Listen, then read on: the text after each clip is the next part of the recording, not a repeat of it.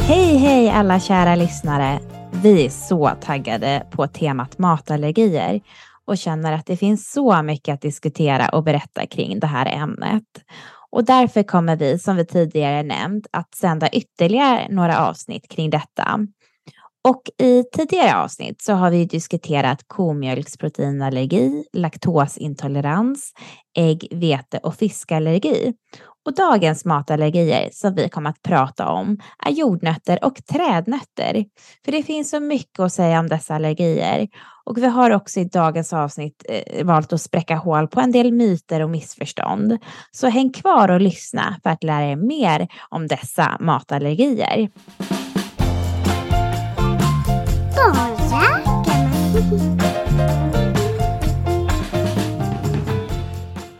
Men som vanligt så börjar vi med vår runda. Hur mår du Mattias? Jag mår bra tack. Jag har börjat räkna ner veckorna tills jag går på föräldraledighet. Så det ska bli så himla skönt och jag ser väldigt mycket fram emot det. Och har faktiskt några veckor tillsammans med min bättre hälft eh, innan, innan hon går tillbaka till jobbet. Så det, det ska bli så roligt. Och själv då, Matta, hur mår du? Ja, men tackar som fråga. För mig är det ju snarare tvärtom. Att min föräldraledighet tar typ slut när din börjar. Så det är liksom lite vemodiga känslor jag har inför det. Jag förstår det. Ja, ja, men så är det ju. Liksom. Man måste ju vidare med jobbet och sen så ska ju min man ta vid. Så det blir, det blir ändå en fin övergång under sommaren, tänker jag. Ja. Ja, men jag mår annars jättebra tack. Och jag var ju på barnveckan förra veckan och lärde Just mig det. så mycket kring så många olika ämnen. Jag liksom kände mig som en student igen och det var så kul. Och eh, årets konferens, den var ju liksom på Tylösand. Så det var riktigt nice att ha havsutsikt från hotellrummet. Ja, men det var du väl väl värd ändå? Ja, Jag, jag känner det. Ja, bra. Ja, och det kändes jätteskönt att jag kunde kombinera lite nytta med nöje. Mm. Ja, men jag tänker så här, vi har ju förstått att många har ju väntat på det här avsnittet. Så det är så många personer som har både funderingar och tankar kring jordnötsallergi och andra nötter.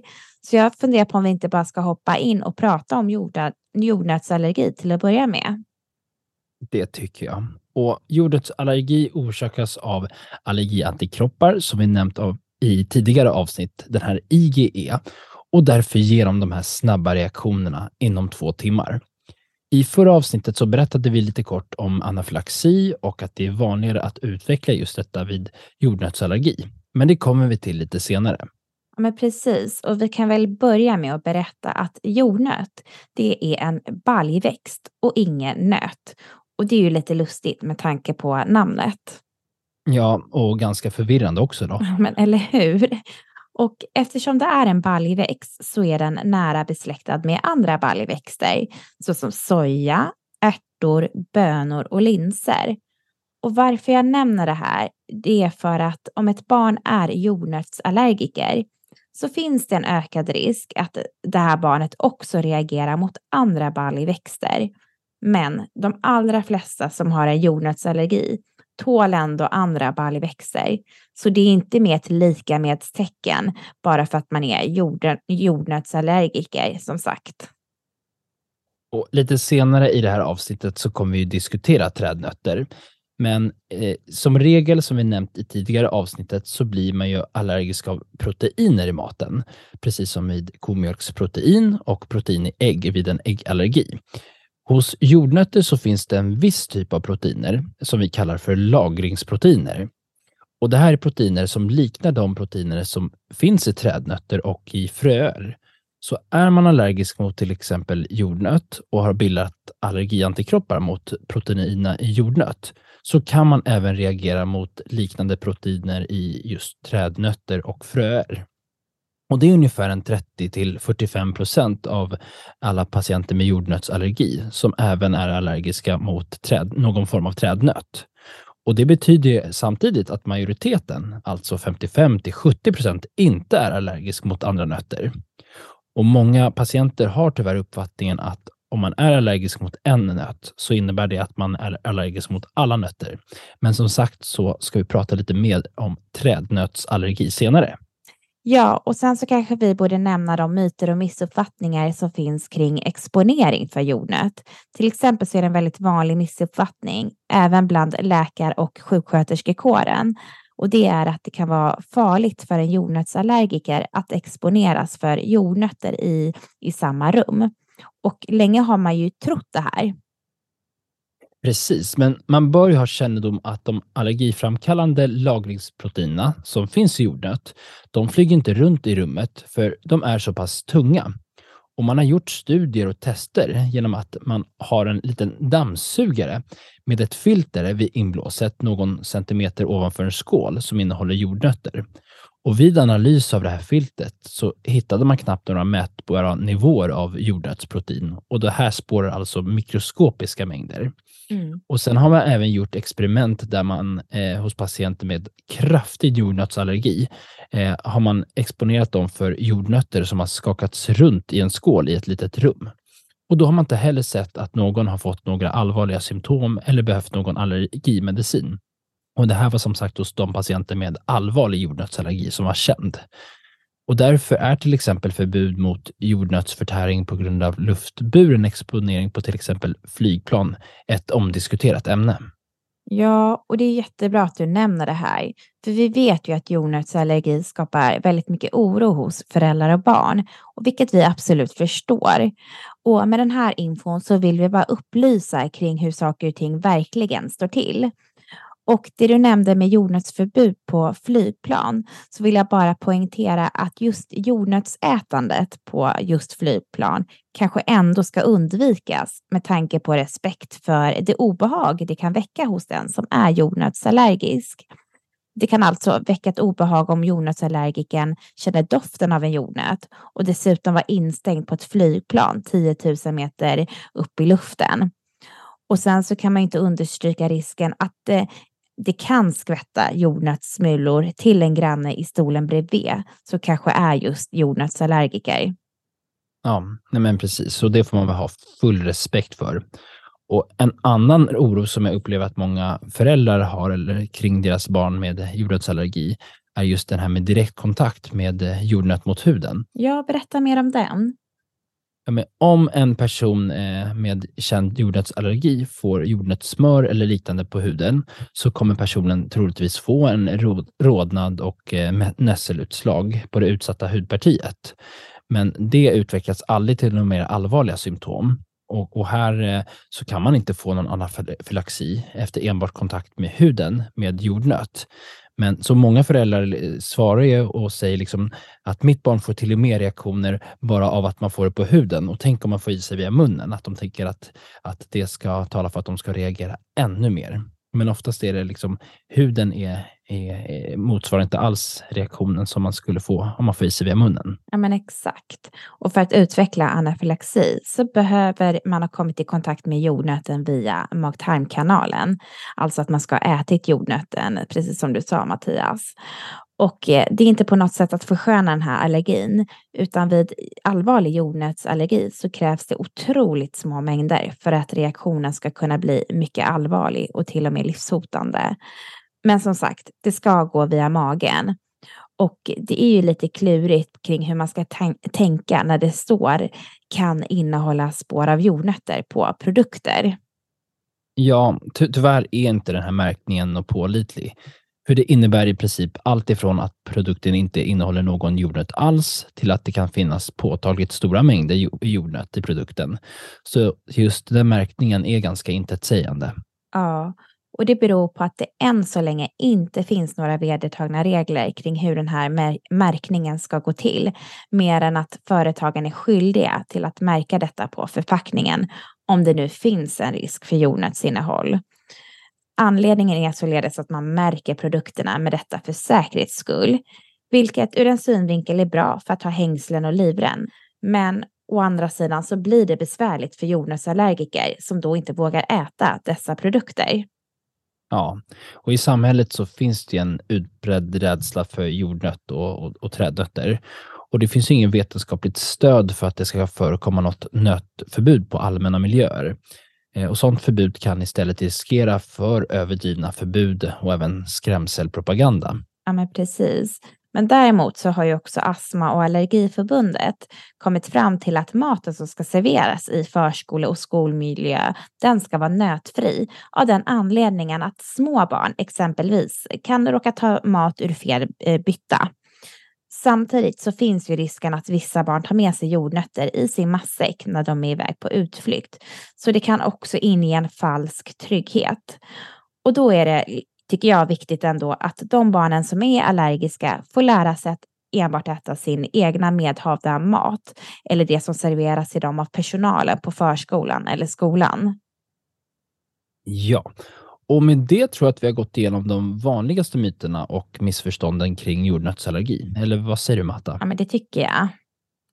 Och Något som också är värt att nämna är att jordnötsallergi har faktiskt ökat i västvärlden under de senaste decennierna. Ja, och det tror jag många är nyfikna på. Varför? Jo, man vet ju inte helt säkert, men man tror att en av orsakerna är den utbredda rädslan i samhället eh, för att ge sina små barn just jordnötter och nötter. Och därför exponeras de inte för det på grund av den här rädslan för en potentiell allergi, precis som vi nämnde tidigare. Ja, men den rädslan, den kan väl ändå vara befogad av andra skäl?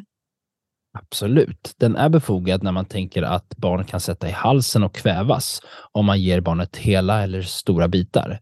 Men ur just allergiperspektiv är det snarare bra att ge jordnötter, till exempel jordnötssmör i finfördelad form, eftersom, eh, precis som vi nämnde i förra avsnittet, att det visar att, min att man minskar risken för jordnötsallergi markant om det ges regelbundet under, eh, eller innan det första året. Ja, men precis. Och det stämmer ju verkligen. Men jag tror inte att den uppfattningen är vedertagen bland allmänheten. Nej, många föräldrar väntar mycket senare innan de börjar eh, introducera nötter, oavsett om de är allergiska eller inte. Ja, och det är inte så konstigt med tanke på att jordnöt anses vara en av de farligaste födoämnesallergierna. Och har man fått den diagnosen så är det så många som är så rädda för att utveckla en svår allergisk reaktion om man råkar få i sig jordnöt. Ja, det är många föräldrar som du nämner som oroar sig för just jordnötsallergi. Och vill man minska risken för att ens barn ska få det så finns det i nuläget bara två liksom, kända sätt. Och Det ena är att man introducerar tidigt med små mängder flera gånger i veckan när barnet är mellan 4 till 11 månaders ålder har man då sett i studier. Samt att man ser till att ta väl hand om sitt barns eksem och smörja med gängse behandling med mjukgörande kräm och kortison. På studier har man faktiskt visat att eh, barn som har underbehandlade eksem och kommer i kontakt med eh, nötter ökar risken för att utveckla allergiantikroppar mot just jordnötter. Ja, men bra, då har vi klargjort det här. Men hur många är allergiska mot eh, jordnötter? Ungefär en och en halv till 3 procent av västerländska barn har jordnötsallergi och den brukar starta just under småbarnsåren för att sedan vara bestående livet ut. Ja, precis. Och den här siffran var ju som sagt lägre förr i tiden. Men den växer ju inte bort på samma sätt som ägg och mjölkallergi oftast gör.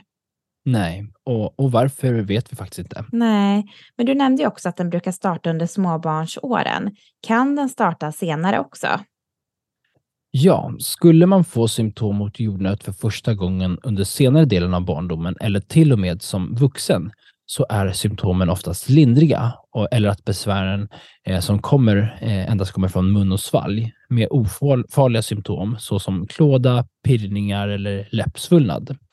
Och orsaken till den här reaktionen eh, brukar ha att göra med att eh, patienten är en björkpollenallergiker och fått en så kallad korsallergi mot jordnötter. Och vad som händer vid just eh, eh om man har en björkpollenallergi är att man har bildat allergiantikroppar mot björkpollen. Och sen finns det vissa proteiner i jordnöten som är väldigt lik i struktur som björkpollenproteiner.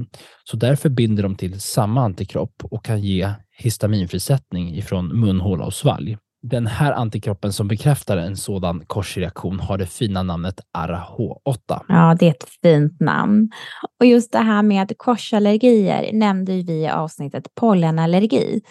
Så vill man fräscha upp kunskaperna så ska man eh, lyssna på det avsnittet. Men också kika på informationen vi har delat på vår Instagram, Barnläkarna. Ja, och anledningen till varför jag nämnde det här proteinet RH8 tidigare var för att det skiljer sig från de andra allergiantikropparna som patienten har vid en äkta jordnötsallergi. Just det, för vid äkta jordnötsallergi så rör det sig om fyra andra proteiner som jordnöten också innehåller. Precis, som vi känner till just nu i alla fall, för det kommer faktiskt nya antikroppar som man hittar eh, hela tiden. Mm. Eh, men de blodprover som man tar för att utreda jordnötsallergi kan tala för om det är en sån här korsallergi mot björkpollen eller om det faktiskt är en äkta jordnötsallergi. Och det som också är klurigt med jordnöt är ju att dessa proteiner, de är både kompakta och stabila. Så man kan inte tillaga jordnöten på, på något sätt för att göra dem mindre allergiframkallande. Som vi nämnde att man till exempel kunde göra med ägg eh, eller till exempel med äpple. Men ska vi prata lite kort om hur vi ställer diagnosen då? Ja, det tycker jag. Mm. För diagnos, då räcker det med patientberättelsen och ett blodprov. Och vi nämnde ju tidigare att jordnötsallergi, den växer ju inte bort. Men jag vill ändå lyfta att man börjat med den nya behandlingsmetoden oral immunterapi, OIT, för att kunna bota eller lindra jordnötsallergi. Men jag tänker att vi slänger in en faktaruta för att förtydliga just OIT. Faktaruta! Oral immunterapi innebär att man varje dag intar en liten mängd av den mat som man är allergisk mot. Man börjar med en väldigt liten mängd som gradvis ökas under kontrollerade förhållanden med sjukvården. Man höjer oftast med någon veckas mellanrum tills man når en bestämd underhållsdos som man därefter fortsätter med under flera år eller till och med under hela livet. Detta för att vänja immunförsvaret mot födoämnet och på så sätt minska risken för kraftiga allergiska reaktioner eller till och med ibland helt läka ifrån sin allergi. Ja, och det var ju ett positivt avslut eh, på jordnötsallergi. Nu har vi gått igenom väldigt mycket kring jordnötsallergi, men det är också för att det är väldigt mycket som eh, liksom folk pratar om och liksom den huvudoron när man pratar om allergier. Men Matta, ska vi gå vidare till trädnötsallergier? Ja, men det låter som en bra plan och en fin övergång från jordnöt. Och jag vill börja med att säga att det inte är helt tydligt med vilka nötter som räknas i gruppen trädnötter. Och för att förtydliga så menar vi alltså nötter som växer på träd. För enkelhetens skull så tycker jag att vi inkluderar alla nötter utom just jordnöt. Ja, det blir bra. När man pratar om trädnötsallergier så är hasselnöt, cashew, pistagenöt, valnöt, pekannöt och mandel vanligast.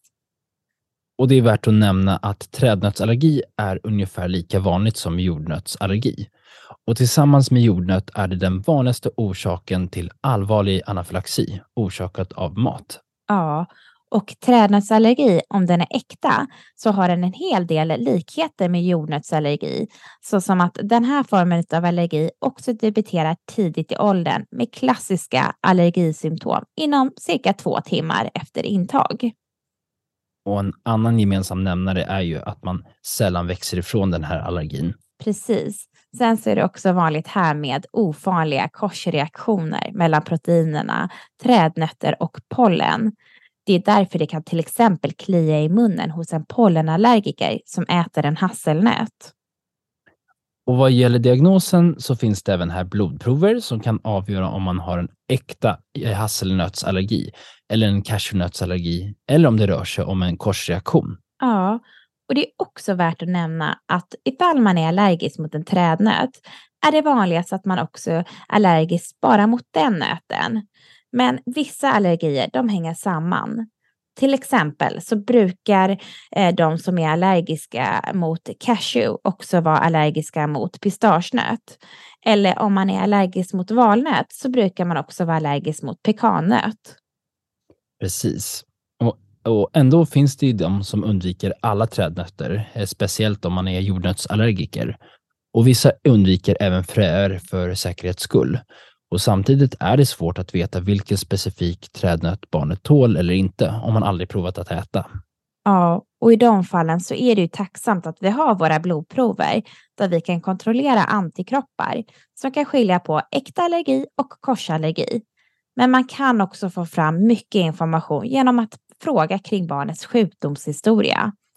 Till exempel så är det inte lika vanligt att man är allergisk mot mandel och ibland så har barnen ätit till exempel marsipan eller bullar med mandelmassa utan att ha reagerat på det.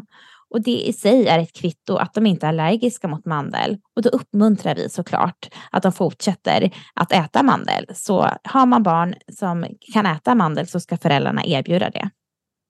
Snyggt Matta. Och nu känner jag mig ganska klar med att diskutera trädnötter. Vad, vad säger du? Ja, men jag håller med.